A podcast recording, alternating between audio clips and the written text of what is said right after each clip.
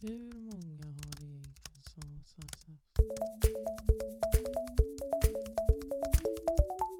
Hej och välkomna ska ni vara till ett nytt avsnitt av På tal om siffror från statistikmyndigheten SCB.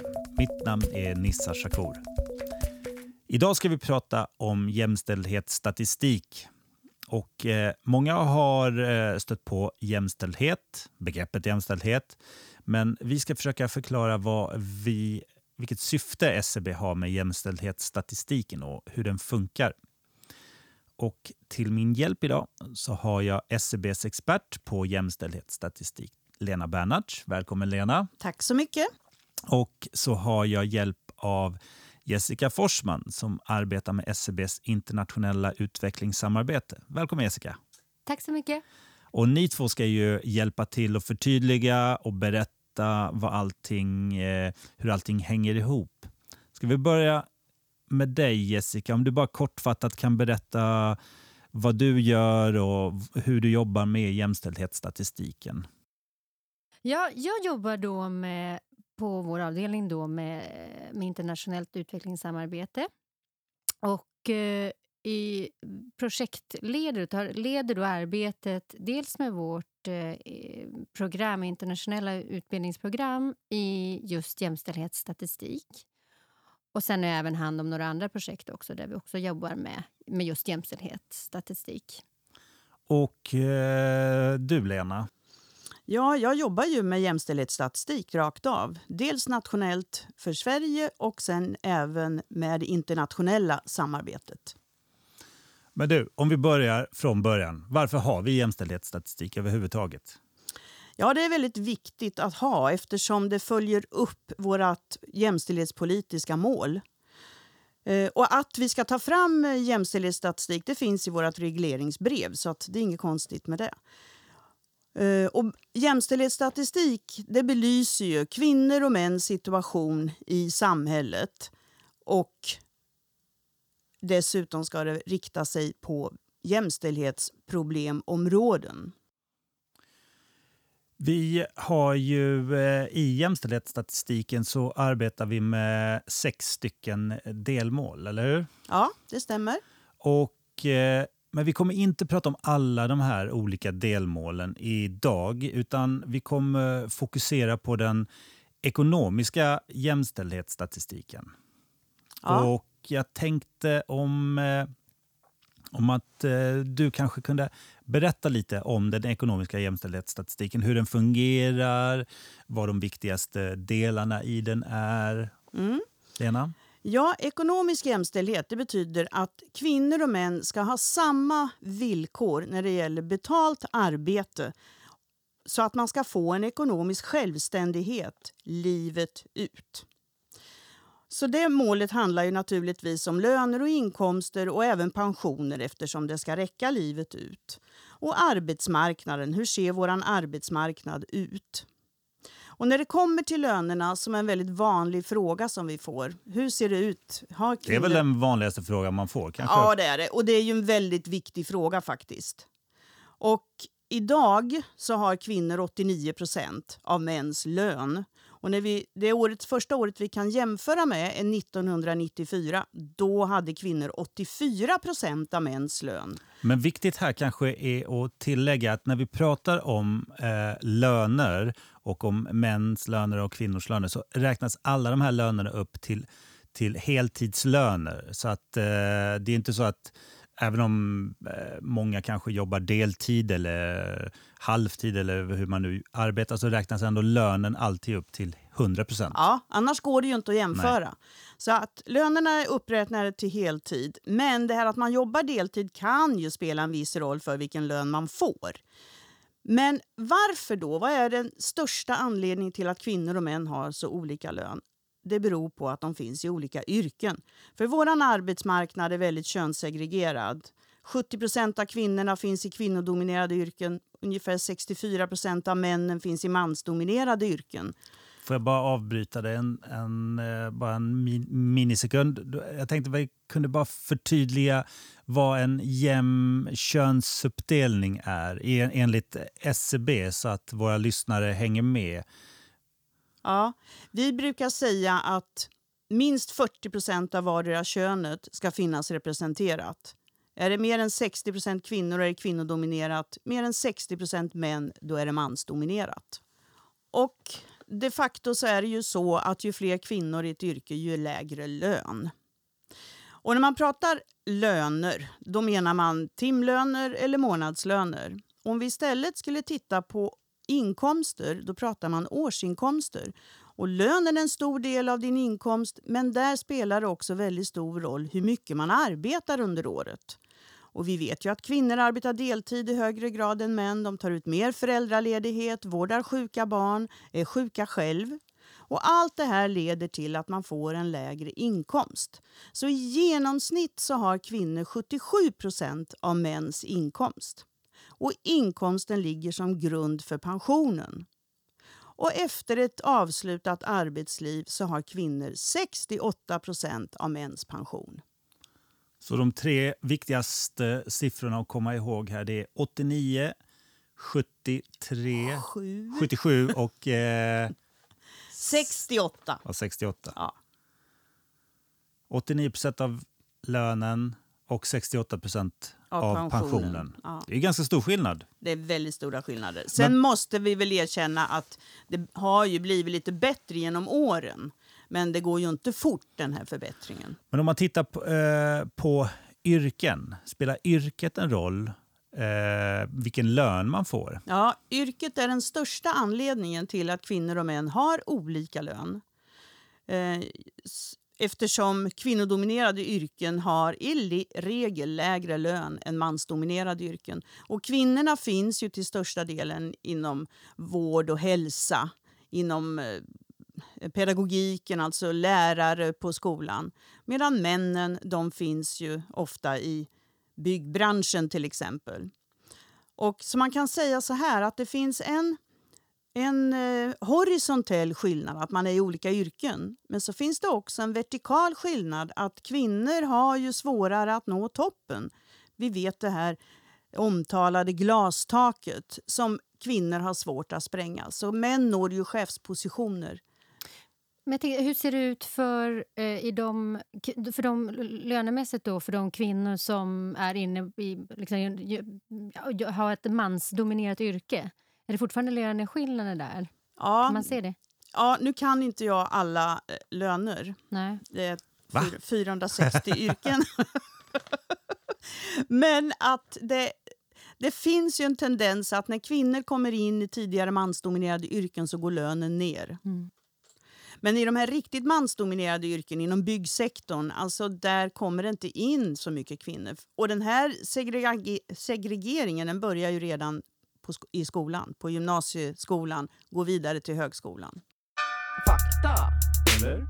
Feeling. Andelen kvinnor mellan 25 och 44 år med eftergymnasial utbildning på tre år eller längre har fördubblats sedan år 2000. Fakta eller feeling?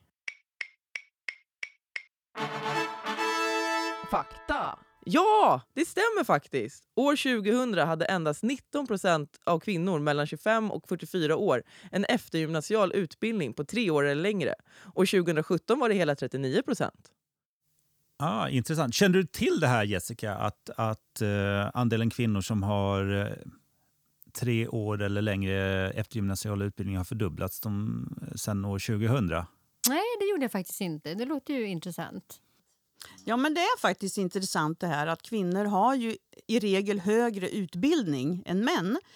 Eh, den vanligaste utbildningsnivån för kvinnor i åldern 25 till 44 år det är faktiskt eftergymnasial utbildning. Männen går ju ofta en gymnasieutbildning som direkt ger ett yrke eftersom de jobbar så mycket inom byggnadsindustrin. Så då kommer de ut och börjar arbeta ja, några år tidigare än kvinnor och får en inkomst. Så de får ju i, i slutändan en högre livsinkomst än kvinnor. Intressant. Men eh, hur är det med de kvinnor som, som direkt kommer ut på arbetsmarknaden om de har gått ett eh, vård och omvårdnadsprogram på gymnasiet? Ja, då kommer de ju ut direkt på arbetsmarknaden. Men de får ju inte alls de inkomsterna, de lönerna som män får inom, inom industrin. Så att, och sen får, barn, får kvinnorna barn. Det får ju männen också i och för sig. Ja. Men det är ju kvinnorna som i regel tar hand om dem. Och så under de här barnafödande åren, småbarnsåren, då är ju inkomstskillnaderna som störst mellan kvinnor och män. Sen avtar det lite grann och så ökar det i 65-årsåldern. Med pensionen. Mm. Just det. Du, jag tänkte att vi ska förflytta oss från Sverige till eh, Peking och till år 1995 när en handlingsplan för jämställdhetsstatistiken antogs. Kan inte du berätta lite mer om den? Och så går vi in på eh, ett lite mer det internationella arbetet som vi jobbar med på SCB också. Ja, jo, det är väldigt intressant för att det har funnits fyra stycken kvinnokonferenser inom FN och den sista var i Peking 95. Och då tog man fram ett sånt kraftfullt dokument, en handlingsplan för jämställdhet och en deklaration. Så efter det vill man inte göra några fler konferenser för vi har ju en backlash just nu på jämställdhetsfronten både i Sverige och i övriga världen. Och då vill man inte att det här dokumentet ska urholkas. Och bara en liten anekdot i det hela att våran bok På tal om kvinnor och män den används i den här handlingsplanen som en förlaga till. Så här ska länder göra. Man ska ta fram statistik uppdelat på kön och ålder och den ska visa på problemområden inom jämställdheten i respektive land.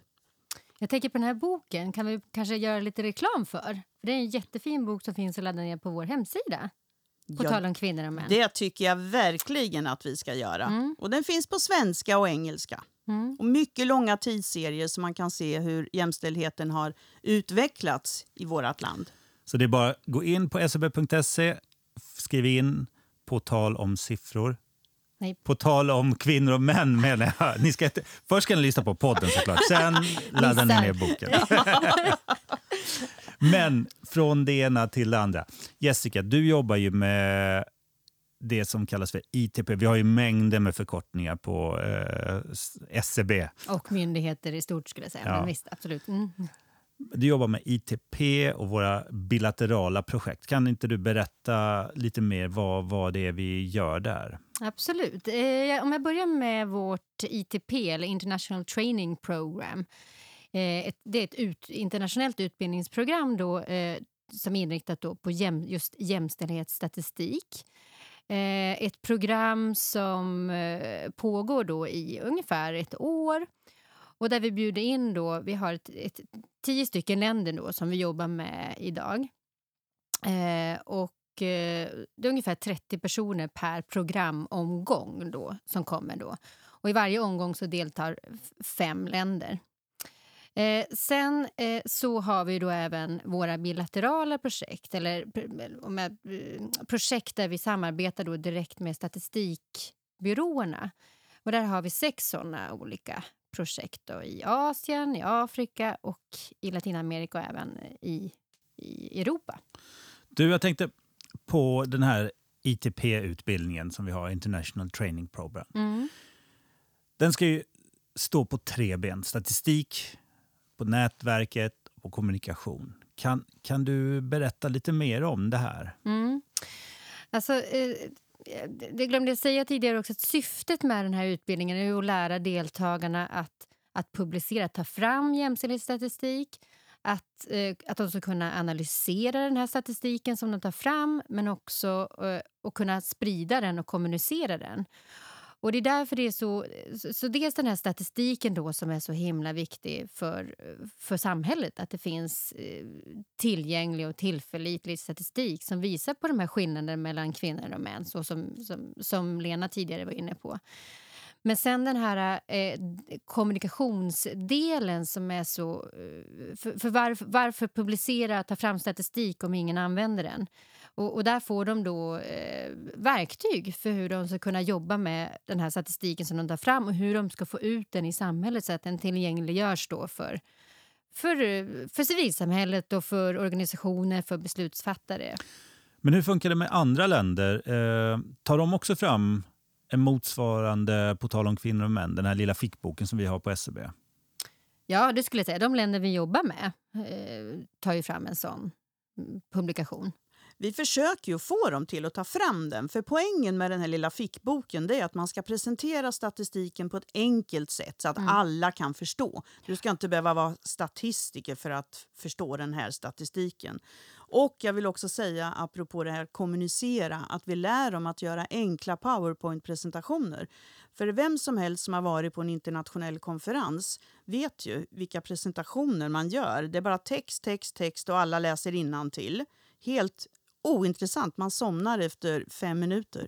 Men när vi kommer med våra snygga diagram och tabeller och berättar en historia hur ser det ut för kvinnor och män i det här landet? Då vaknar faktiskt publiken. Mm. Funderar ni på att göra statistiken mer tillgänglig när ni arbetar i andra länder, eh, Lena? Absolut. Det är ju ett av målen vi har. Därför statistik finns det i alla länder. Hyllvärmare som ingen bryr sig om. Så vi vill ju att den ska komma ut så att alla ska kunna tillgodogöra sig och få veta. För det är ju därför vi håller på med statistik. Det är ju för att informera medborgarna hur det ser ut. Men hur, jobbar, ni med, ja, förlåt, men hur jobbar ni med statistiken då? Ja, då jobbar vi på ett alldeles speciellt sätt. För det är ju viktigt att det belyser jämställdhetsproblemen i respektive land. Så vi tar ett, jag tar ett exempel nu. Eh, barnäktenskap brukar vi ta, för det finns ju i de här länderna. Vi tar det som ett jämställdhetsproblem, för det är ofta små flickor man gifter bort. Då delar man in dem i grupper och så får de diskutera orsaker. Varför gifter man bort småflickor? Och sen får de diskutera ja, vad blir konsekvenserna av barnäktenskap. Och sen har man en lång lista på orsaker och konsekvenser. Sen sätter man statistiska indikatorer på det här. Sen börjar man leta, har vi statistik som kan belysa allt det här vi har kommit fram till. Det har man inte, men vissa saker kan man belysa. Och sen de här datagapen som vi kallar det, ja men de kanske man kan fylla i en undersökning man gör senare om man tycker att det här är viktigt att ta reda på. Eller hur Jessica? Mm. Jag tänkte, för det som ni har berättat nu det är ju kring kommunikationen. Mm. Eh, och nätverket, när man för det var ju tre ben som eh, utbildningen stod på. Statistik, nätverk och kommunikation. Mm. Alltså nätverken då, det är också en jätteviktig del av, av programmet. För att, eh, om jag tar lite, lite, går tillbaka lite grann just till, till vem vi bjuder in också till programmet och söka till här. Vi bjuder in både producenter och användare till, till den här utbildningen. Eh, är det fritt fram för vem som helst att söka? Nej, det är det inte. Utan man måste, ha, man måste vara endera statistikproducent och där har vi då statistikbyråerna. De är oftast, det är liksom en nyckelorganisation i utbildningen. Och det är oftast de som är huvudproducenter av statistik i de här länderna. Eh, sen så kan det ju finnas andra, precis som i Sverige, att det finns andra statistikproducenter. Så dels har vi dem och sen så har vi då eh, statistikanvändarna som är en jätteviktig grupp. Eh, och Det kan vara myndigheter. till exempel I många av de här länderna finns eh, Ministry of Gender eller det kan vara Finansdepartementet. till exempel.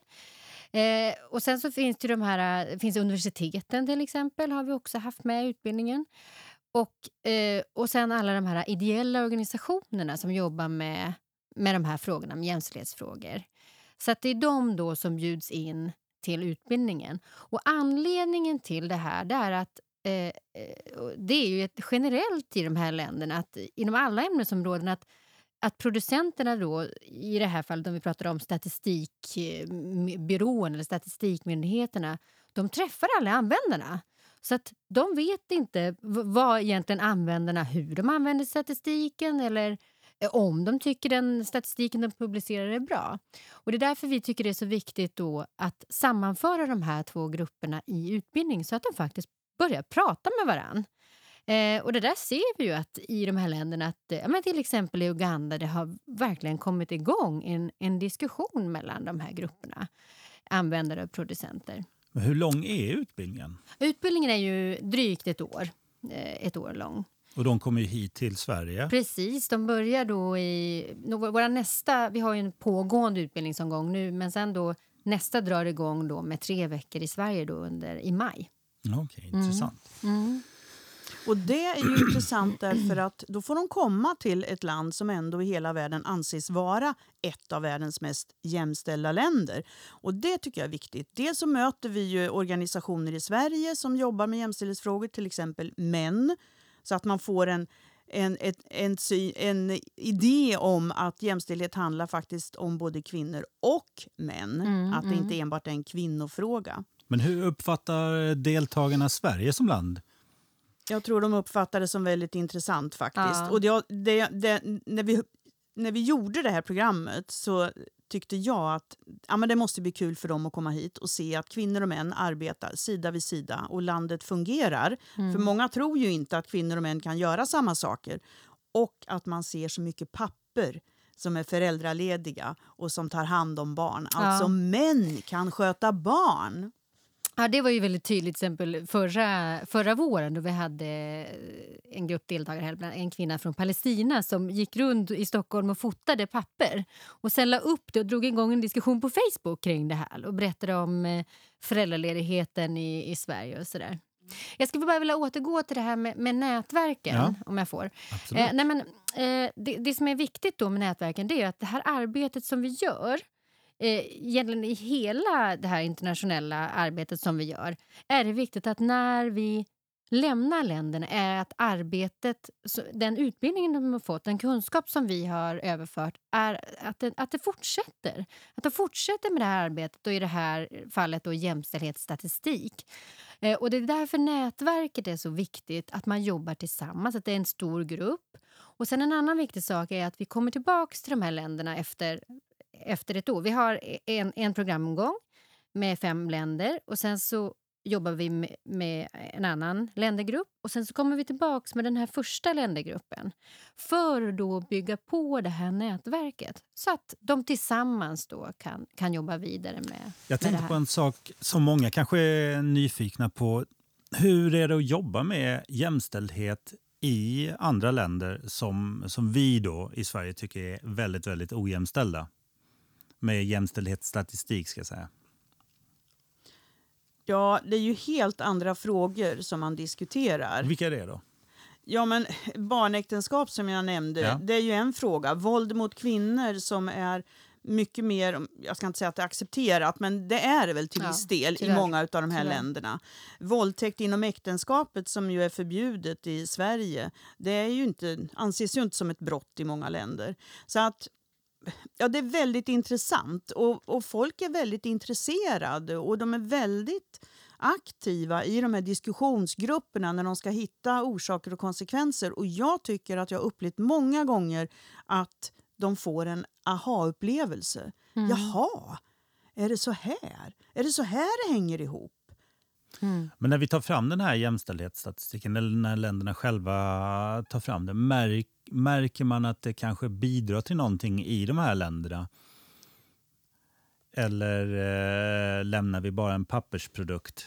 Nej, Nej. Jag, tror Ja. att, jag tror faktiskt att det bidrar. Kanske inte från en dag till en annan. Nej, det förstår jag. Det, Men vi, de får ju också någonting de kan mäta och visa på vad som händer. Så att när beslutsfattarna när de fattar ett beslut att nu ska vi göra så här, då måste man ju kunna följa upp och se, gjorde det någon nytta eller vart det sämre? Så att i förlängningen så, eh, vi vet att det är viktigt. Så det är ju också så att, att sånt här arbete det tar tid. Vi jobbar med ett land ett år men man ser ju oftast inte förändringen förrän kanske... Man kan se vissa förändringar, till exempel i Statistikbyrån som, som ändrar sin, sitt frågeformulär till exempel för en eh, hushållsundersökning eller sådär. Det, det, det är ganska snabb ändring. Men sen, men sen de här långsiktiga, kanske en, ett, eh, en ändrad eh, lag eller nåt det, det tar ju tid. Men vi ser faktiskt att till exempel, nu kommer jag tillbaka till Uganda som ett väldigt bra exempel på hur hur de har jobbat efter att ha medverkat i vårt ITP-program. Men Där var det en av deltagarna från en ideell organisation som, som faktiskt med, med stöd då från den, med den kunskap som hon fick genom vårt äh, ITP påverk, kunde påverka beslutsfattare så att det var en, en lag då som gick igenom. Nu kommer inte jag exakt ihåg vad det var. Jag vet inte om du kommer ihåg det, Lena. Men, men, äh, men, så, så det är ju ett exempel på hur man kan jobba. Sen till exempel i Uganda då, där vi har varit nu, där har vi ju, den an, är vi ju då där an, för andra gången. Och där ser vi ju då att de har... Eh, det, det, det nätverket är ganska starkt, eh, de ITP-deltagarna. Och sen så har de då eh, tillsammans med eh, UN Women eh, har de gjort, skapat ett utbildningsprogram eh, utifrån det material och den kunskap som de har fått av oss eh, där de utbildar andra Mm. eh, civilsamhällesorganisationer. Det är Och det är suveränt faktiskt. Vi, ja, det är väldigt bra. Och det är Mm. så vi vill att de ska jobba. Vi, åker, vi, vi, åker, eller vi, jobbar med dem under ett år och sen så överför de den här kunskapen då som de har fått av oss. Mm. Och så fortsätter det så. Ett annat exempel som inte är ITP utan ett vanligt bilateralt samarbete var med Georgien. Mm. Där var ju jag jättemånga gånger och hjälpte dem och de tog fram en bok och det var mycket aha-upplevelser. Sen gjorde, uppdaterade de den boken en gång med stöd ifrån SCB. Sen sa de, vi behöver inte er hjälp längre, nu kan vi själva. Och det är ju helt underbart. För det är, ju Det är väl det dit, man vill höra. Ja, Mm. det är ju dit vi vill nå. Så visst, visst gör vi nytta. Absolut, det är jättebra. gör vi. Ja. Och jag tycker faktiskt att med de orden att eh, SCB gör nytta i andra länder, att vi förflyttar oss till vår flygande reporter Julia Olderius som har intervjuat eh, stockholmare eh, för att se om hur deras kunskaper är kring jämställdhetsstatistiken. Över till dig Julia. Eh, vi står här på Stureplan i Stockholm tillsammans med... Robin, Och Sanna? Ni ska få svara på frågor kring jämställdhet. Fråga 1. Hur stor andel var kvinnor bland styrelseledamöter i alla svenska aktiebolag år 2016? Robin? 26 procent. Sanna? Ehm, då säger jag mindre. Det var mindre. 24 procent är det rätta svaret, så 1-0 till Sanna. Nu kommer fråga 2. 2017 var 65 procent av cheferna inom offentlig sektor kvinnor. Men hur många procent av cheferna inom den privata sektorn var kvinnor under samma år? Sanna? Oj, svårt. Jag skulle gissa på 52 procent. Robin?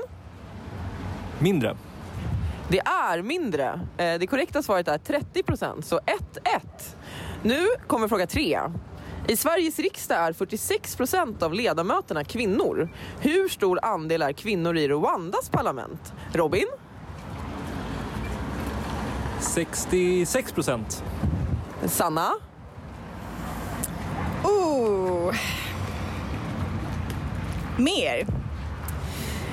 Det är mindre. Det är 61 procent och därför får Robin poäng. Så 2-1 till Robin. År 2000 tog pappor ut 12 procent av sin föräldrapenningesdagar. Vad är siffran 2018? Sanna?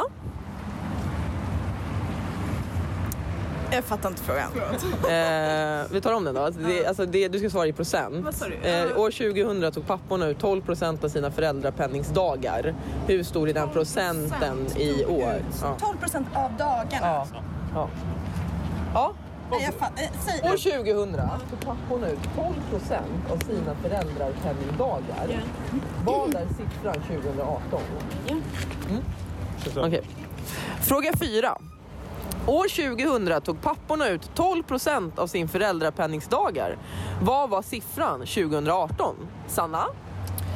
Ehm, jag skulle gissa på 33 procent. Robin? Eh, mer. Det är mindre, så poäng till Sanna. 29 procent är den rätta siffran. 2-2, det här är spännande. Det avgörs på sista frågan. Män tjänar mer än kvinnor i genomsnitt, men med hur många procent? Robin? 6 procent. Sanna? Ehm, ja... Mer.